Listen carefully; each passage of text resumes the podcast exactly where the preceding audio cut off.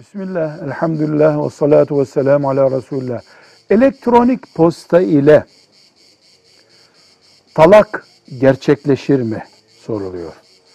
Bu elektronik postanın e-mail adresinin güveniyle ilgili bir konudur. Eğer mesela banka havalesi yapıldığında sorun oluşturmayan bir elektronik adresse, mesela devlet şifresi diye bir şifre üzerinden elektronik yazışma yapılıyor.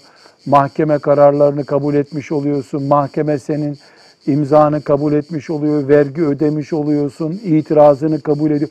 Böyle güvenli bir e, elektronik adres üzerinden seni boşadım ifadesi boşamadır. Ama sorunlu bir elektronik adresten yapay bir elektronik uydurulmuş adına ilave edilmiş bir adres olduğunu iddia ediyorsa boşamanın söz konusu olduğu kişi erkek bu tartışılabilir. Velhamdülillahi Rabbil Alemin.